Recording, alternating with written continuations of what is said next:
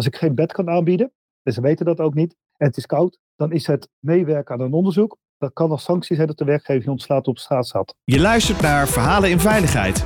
Deze podcast brengt verhalen over veiligheid samen van de mensen die het doen. Met wisselende onderwerpen. Verhalen vanuit de wetenschap, verhalen vanuit de praktijk, maar vooral verhalen die raken uit ons mooie vak. Uw presentatrice Orlie Borlak.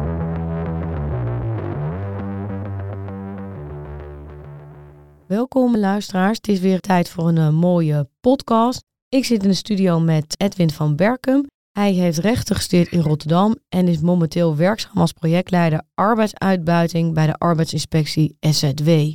Hartstikke leuk dat je er bent. Boeiend onderwerp. Edwin, zou jij iets kunnen vertellen over hoe jouw vak zo bij uh, de inspectie tot stand is gekomen? Jazeker. Arbeidsuitbuiting is een vorm van mensenhandel en is strafbaar gesteld vanaf 2005 in het wetboek eh, van strafrecht. En dat lijkt lang, maar dat is het niet. Als je kijkt naar seksuele uitbuiting, is veel langer strafbaar gesteld. En er is ook een maatschappelijke norm die daarop ontwikkeld. En arbeidsuitbuiting is eigenlijk nog heel recent strafbaar gesteld als vorm van mensenhandel. En in het begin is het vooral, het aanpak van dit probleem is strafrechtelijk gehandhaafd door de opsporingsdienst van de arbeidsinspectie onder leiding van het Openbaar Ministerie. En wat we zagen is dat er veel schijnende gevallen zijn die niet onder het bereik vallen van mensenhandel in het wetboek van strafrecht. En daardoor is er ook gekozen om een programmatische aanpak te maken van dit probleem. En dat we niet alleen inzetten met het strafrecht, maar ook kijken naar andere instrumenten om dit grote probleem proberen terug te dringen en de kwetsbare groepen meer te beschermen. En ik heb aan de wieg gestaan van het maken van het eerste programma van arbeidsuitbuiting. En toen heb ik ook bedacht van wat kunnen we nou doen voor al die scheidende gevallen die niet onder het strafrechtartikel vallen van mensenhandel in het wetboek van strafrecht. En uiteindelijk is het risico ernstige benadeling ontwikkeld. En dat is bijna hetzelfde als arbeidsuitbuiting, het hele schijnende gevallen. Maar dat valt niet onder het wetsartikel van dwang en hele ernstige vrijheidsbeperkende maatregelen die er worden genomen tegen de kwetsbare werkenden. Wat is het voordeel van het nieuwe risico? Is dat we naast strafrecht ook het bestuursrecht, dus de arbeidsinspecteurs, worden ingezet voor het aanpakken van dit probleem. We zijn een paar jaar geleden gestart met het programma, waarin dus ook, wat ik al zei, het aanpak van ernstige benadeling zit. Daar zitten ook signalen in van arbeidsuitbuiting. En dat betekent dat we veel meer melding hebben gekregen sinds we ook de programmatische aanpak zijn gestart. Er zijn dus meer situaties worden nu ook herkend en worden ook gemeld om aan te pakken. En dat is wel het voordeel. En als je dan kijkt van hoe pakken we dan dat risico van ernstige benadeling aan, dan kijken we altijd van wat is de situatie, wat is de melding, waar gaat het om en wat is de werkgever en welke inbreuken worden er gemaakt op die kwetsbare werkenden. En dan kijken we per melding met welke partner, dat kan een gemeente zijn, maar dat kan ook collega's zijn van de Arbo-collega's, die vooral toezien op de arbeidsomstandigheden voor gezond en veilig of met de politie, of met de brandweer of een zorginstelling. Dus we kijken per melding welke instrumenten gewoon goed kunnen inzetten om de situatie te stoppen, dus de werkende eruit te halen. In de toekomst hopen we ook dat die werkgever zodanig zijn gedrag is beïnvloed dat hij er ook mee ophoudt. Dus dat is voortgekomen uit dat mensenhandel is een artikel met hoge straf in het wetboek van strafrecht van 12 tot 30 jaar aantal gevallen vallen niet onder het bereik van dat artikel. Wel ernstige gevallen waarbij ook inbreuk is op de lichamelijke en psychische integriteit. En zo heb ik het risico ernstige benadeling ontwikkeld, wat onderdeel uitmaakt van de programmatische aanpak van arbeidsuitbuiting. Ik denk dat een heleboel mensen denken, maar wat moet ik me daar dan bij voorstellen? Wat, wat gebeurt er dan met die mensen? Dat daar eigenlijk gewoon een, een soort nieuwe wet voor moest komen. Kun je daar iets van vertellen? Wat zie je in de praktijk? Ja, ik zei al dat als het gaat over arbeidsuitbuiting en ernstige benadeling, dat heeft als effect op de kwetsbare werkende dat de integriteit wordt aangetast, de lichamelijke en fysieke integriteit. En waar praat je dan over? Over wat voor situaties heb je dan mee te maken? Nou, daar heb je te maken met situaties bij een werkgever waarbij er bijvoorbeeld hele lange werkdagen worden gemaakt die ernstig afwijken van de arbeidstijden. Dat de beloning ruim onder het wet minimumloon zit. Nou, minimumloon is in Nederland eh, dat zegt het al, dat is het minimum. Maar dan wordt er ook nog onder betaald. Vaak is er ook een combinatie met wonen, huisvesting. Want we hebben veel te maken met de doelgroep arbeidsmigranten. Nou, er zijn er minimaal 500.000 arbeidsmigranten in Nederland werkzaam. Vooral in de sectoren waar ook de risico op uitbuiting en ernstige benadeling bestaat. Maar die mensen hebben geen huisvesting. Zijn werkgever zorgt ook vaak voor de huisvesting. Die is vaak ook beneden de maat. En daarnaast zie je dat er de werkenden zodanig worden bejegend zoals het innemen van een paspoort, of bedreigd of geïntimideerd, waardoor die werkgever probeert die kwetsbare werkende onder die situatie te houden, waarbij dus sprake is van uitbuiting of ernstige benadeling, met het oogmerk om een financieel voordeel van te halen. Heel veel mensen denken, komt dit dan echt in Nederland voor? Dat kan ik me goed voorstellen, dat je de vraag stelt, Nederland is een beschaafd land, waarbij de vangnetten zijn, waarbij je recht kan halen. Dat is waar. Maar aan de andere kant zie je dat door sociaal-economische omstandigheden van werkenden, vooral arbeidsmigranten, of door intrinsieke omstandigheden, dat mensen gewoon laag geschoold zijn, laag genetterd of lichtverstandelijk beperkte, waardoor er dus de kans vergroot wordt dat uh, mensen dus zich niet kunnen onttrekken aan die situatie of wordt misbruik gemaakt van een kwetsbare positie, waardoor ze worden uitgebuit. En dat komt helaas veel voor, want het aantal meldingen sinds we de programmatische aanpak hebben van arbeidsverbuiting en ernstige benadeling, nemen ieder jaar nog toe. En je vertelde me ook dat jullie in actie komen op het moment dat de situatie heel schrijnend is. Dat is niet een taak die ik vaak hoor van de arbeidsinspectie, dat je echt mensen komt helpen. Primair zijn wij als arbeidsinspectie gericht op het beïnvloeden van het gedrag van de werkgever dat hij zich aan de arbeidswetten houdt. Dat is onze primaire taak.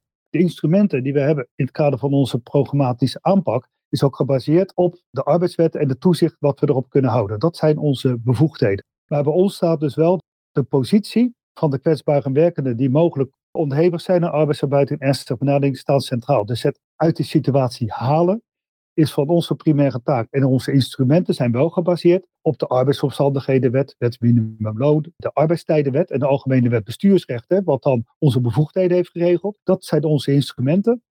Maar primair komen wij op voor de kwetsbare werkenden.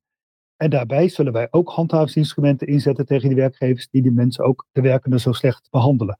Maar dat klopt, we hebben een iets andere focus vanuit onze programma ten opzichte van de primaire taakstelling die er is bij de arbeidsinspectie. Maar dat laat onverlet wat ik zojuist zei. We richten ons op de werkgevers, waarbij we vervolgens daarbij ook in de bejegening en in de aanpak en de prioritering en het snel optreden absoluut rekening houden met de positie van de kwetsbare werkenden waar zij onder zouden kunnen verkeren. En zie je daar ook trends in? En wat voor soort of type werkgever vaker eigenlijk over dit soort grenzen heen gaat? Kun je daar iets in herkennen? Ja, er is wel een gemeenschappelijk kenmerk van werkgevers die uh, ernstig benadelen of de kwetsbare werkenden uitbuiten. Het betreft vooral werkgevers waarbij er sprake is van werkzaamheden die laag geschoold zijn, laag betaald zijn en zware omstandigheden.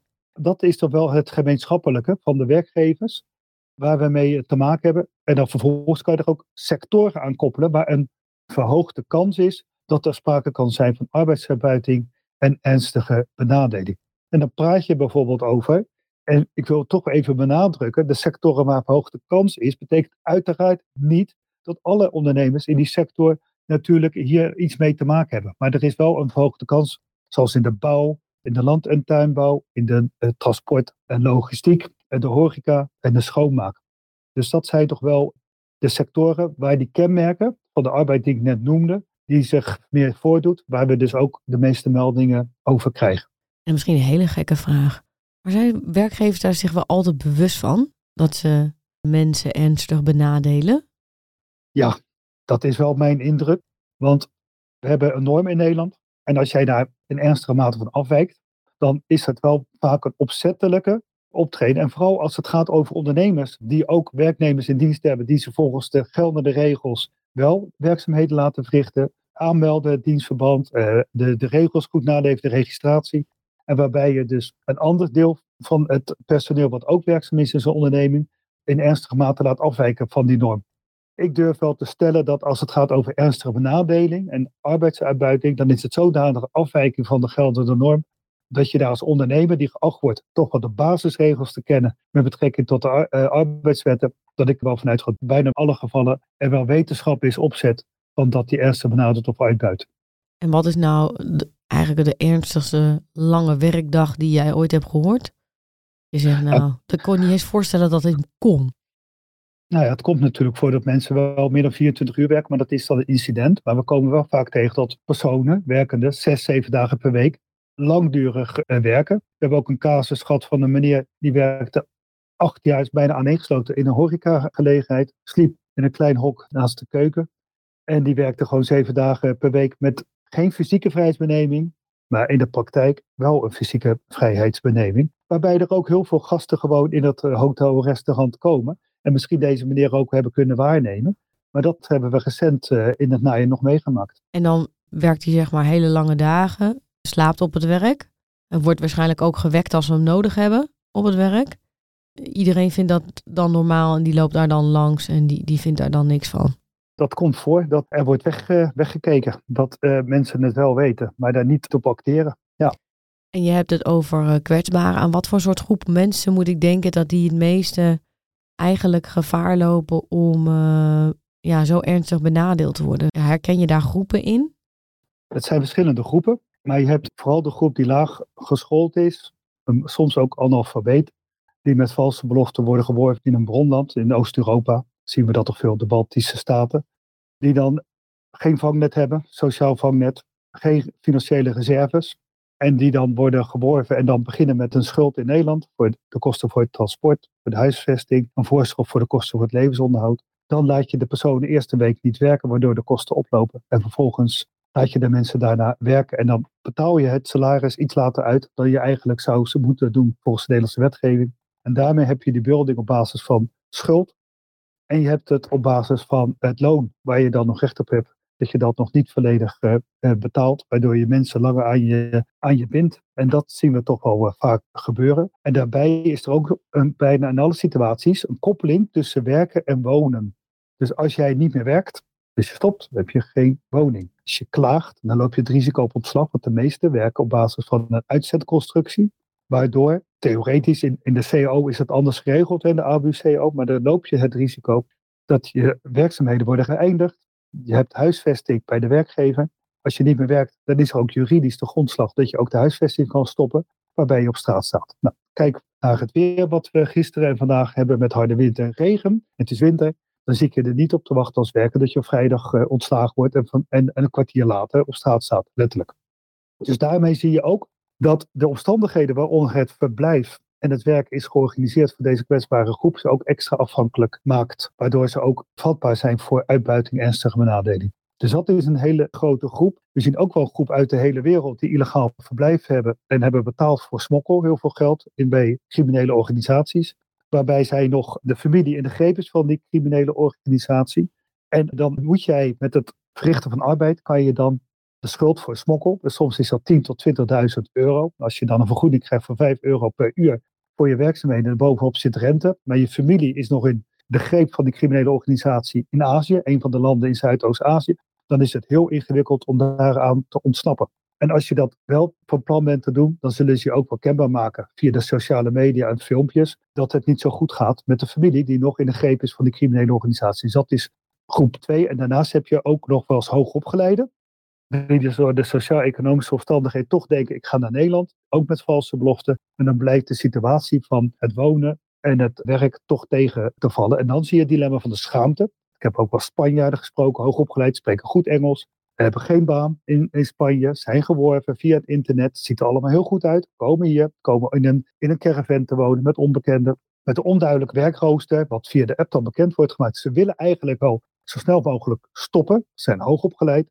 maar schamen zich om dan weer een beroep te doen op de ouders. Om weer dan betaald te worden voor het vliegticket om weer naar huis eh, te gaan. En dat zijn die mechanismen waar ik zojuist over had. Dat zijn drie verschillende groepen, waarbij in sommige gevallen werkgever op de hoogte is van welke mechanismen dilemma's zou spelen en in welke mate je daar dus ook gebruik van kan maken om je wat langer te binden aan jou en dan ook helaas wel sprake kan zijn van ernstige benadeling en arbeidsuitbuiting. Zoals je het nu vertelt, klinkt het echt dat met opzet. Dat iemand van tevoren strategisch bedenkt hoe die eigenlijk aan goedkope arbeid kan komen. En in sommige gevallen met internationale detachering van derde landen, dat zien we ook, hè, dat in Polen of Slowakije of de Baltische Staten, dat daar uh, ondernemingen zijn opgericht, dat je dan mensen uit de hele wereld worden aangetrokken en die mogen daar verblijven in die landen. En vervolgens worden ze doorgedetacheerd naar Nederland. En we hebben ook heel veel mensen vanuit de hele wereld, doen we derde landen, die dan met een schijnconstructie hier dan worden gedetacheerd. En waarbij er ook gezien hun achtergrond, geen kennis van de Nederlandse situatie, dat zij ook worden uitgebuit op ernstig benadeeld. Dat soms zijn de belangen zo groot in de bouw, het internationaal wegtransport, dat er ook wel die constructies worden gefaciliteerd door grote advocatenkantoren, accountantskantoren, financiële instellingen, omdat het dan ook gaat best wel over hele grote bedragen. Recent hadden we nog de zaak in België eh, met het onderhoud in de chemische industrie, waarbij er sprake was van mogelijke mensenhandel van meer dan 100 personen. Een aantal daarvan woonden ook in Nederland. Iets andere situatie. En dan zie je dat het gaat over heel veel geld, waarbij de gekwalificeerde mensen uit Azië worden uh, gehaald, die dan ook in de petrochemische industrie die onderhoudsstop doen. Dus dat zijn wel gekwalificeerde mensen, waarvan de beloning een stuk lager is van als je gebruik maakt van gekwalificeerde Europese ZZP's, want dan praat je zo over een vergoeding van 70 tot 100 euro per uur, waarbij de vergoeding voor deze groep kleiner is. Dus je ziet ook wel dat vanuit de detachering, de schijnconstructies, dat er ook in Nederland heel veel mensen werkzaam zijn in, in de bouw, in de onderhoud, in het internationaal transport. En waarbij we hier ook mensen uit de Aziatische landen hebben die hier werkzaam zijn. En je zei in het begin van dit interview dat je vooral richt op de werkgevers. Heb je ook gesprekken met werkgevers? De inspecteurs in mijn team, die, uh, ja, die hebben uh, gesprekken. Want we doen veel inspecties en dan hebben we ook bij als onregelmatigheden hebben we gesprekken voeren met de werkgevers. En we vorderen ook informatie, administratie. En we voeren vooral veel gesprekken met de werkenden. De werkenden vertellen het verhaal. Als de werkenden zich veilig en vertrouwd voelen, kunnen zij het werkelijke verhaal vertellen. En als zij het werkelijke verhaal vertellen over hun arbeidsomstandigheden en verblijfsomstandigheden, dan kunnen wij mogelijk ook iets doen voor die werkenden. En dan kunnen we ook effectief optreden tegen de werkgever. Maar we zijn afhankelijk ook van de werkenden dat zij hun verhaal kunnen en durven te vertellen. En als ik vertel dat er veel op het spel staat, hè, het verlies van werk en het verlies van de huisvesting, is dat best wel ingewikkeld. En ik noemde net ook de schaamte die er speelt. Maar ook dat mensen, de werkenden, geld weer moeten verdienen, vaak voor zichzelf en voor de familie in het land van herkomst, zodat zij uh, die financiële middelen 100% nodig hebben. Maar ik ben ook wel benieuwd wat zo'n werkgever dan zegt op het moment dat hij dan op zijn gedrag wordt aangesproken. Mm -hmm. Of hij dan voluit gewoon eerlijk bekend, ja, dit scheelt heel veel geld, het levert mij heel veel op. Of dat er ergens ook nog een beetje iets van onbekendheid, schaamte, omstandigheden. Ik ben dan wel benieuwd naar van, want je noemt net iemand die chemisch komt reinigen. Dat zijn niet de kleinste bedrijven meer. Dat zijn echt gigantische bedrijven ja. die ook heel druk met safety bezig zijn voor hun gewone medewerkers. Heel erg geprotocoleerd zijn. Dan verbaast het je dat ze zo'n apparaat ja, eigenlijk bouwen om mensen te gaan halen heel goedkoop. Dat gaat dan natuurlijk via de aanbesteding hè, bij dat soort. Uh, dus in hoeverre dan, hoe dan de verwijbaarheid hè, zit, want het is vaak de aanbesteding in de keten, is dat dan met uh, aanneming en onderaanneming. Maar je kan natuurlijk wel proberen er zelf op toe te zien. Hè? Als het gaat over de productie en de dienstenketen, van hoe het dan ook in die keten, in de productie nationaal en internationaal, hoe het georganiseerd is. Je kan niet alles natuurlijk uitsluiten. Maar je kan natuurlijk ook wel er zelf toezien in welke mate er sprake is van gezond, eerlijk en veilig werk. Als het gaat over werkgevers die uh, te maken hebben met ernstige benadering en uitbuiting, dat zijn meestal, noemen wij dat dan bewuste overtreders, ook voor in de, de arbeidsinspectie. We hebben typologieën van nalevingsgedrag. En daarmee, als het gaat over bewuste overtreding, heeft het over nagedacht. Die heeft al van tevoren ook voorbereid van als er een klacht komt of er is een inspectie, hoe je moet verhouden. De administratie is vaak wel op orde, is het papierwerk.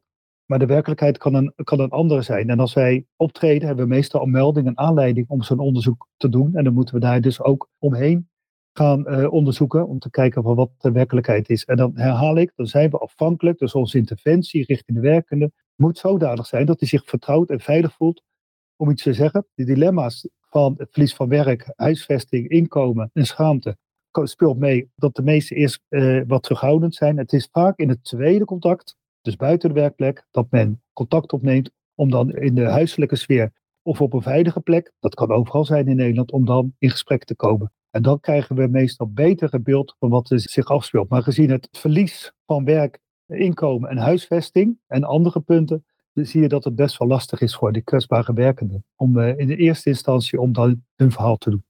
Als ik jullie goed begrijp, ontdekken jullie dit pas op het moment dat jullie een inspectie doen en met mensen in gesprek raken. Dat klopt. Het gesprek van de kwetsbare werkende zelf, dat is altijd wat ons de informatie geeft over wat er zich daadwerkelijk afspeelt.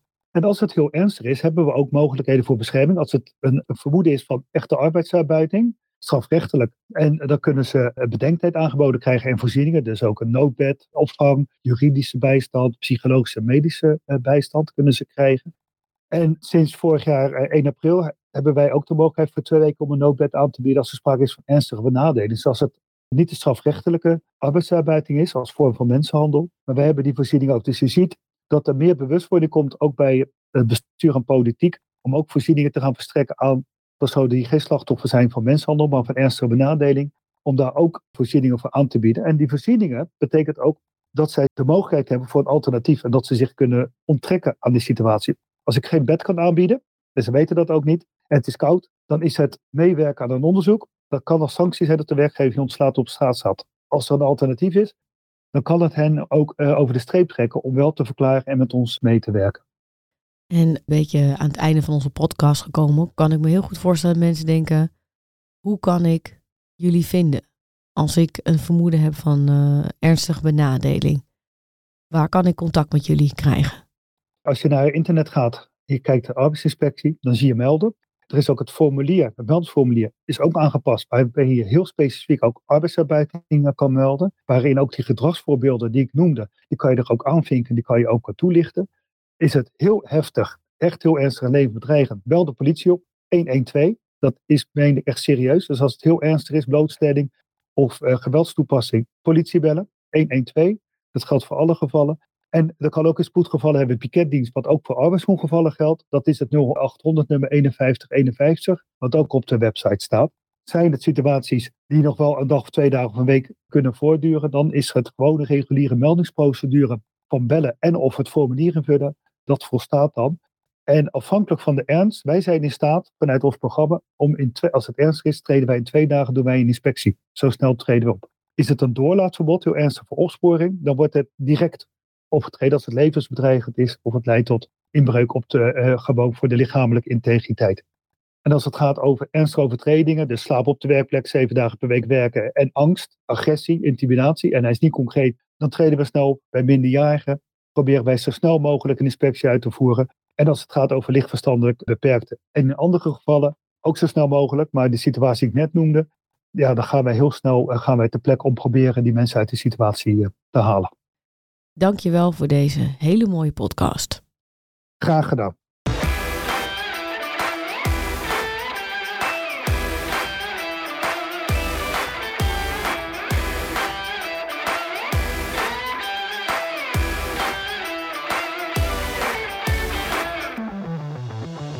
Je luisterde naar Verhalen in Veiligheid. Wil je niks missen van deze podcast? Abonneer je dan op deze podcast in je favoriete podcastplatform of laat een recensie achter via Apple Podcast.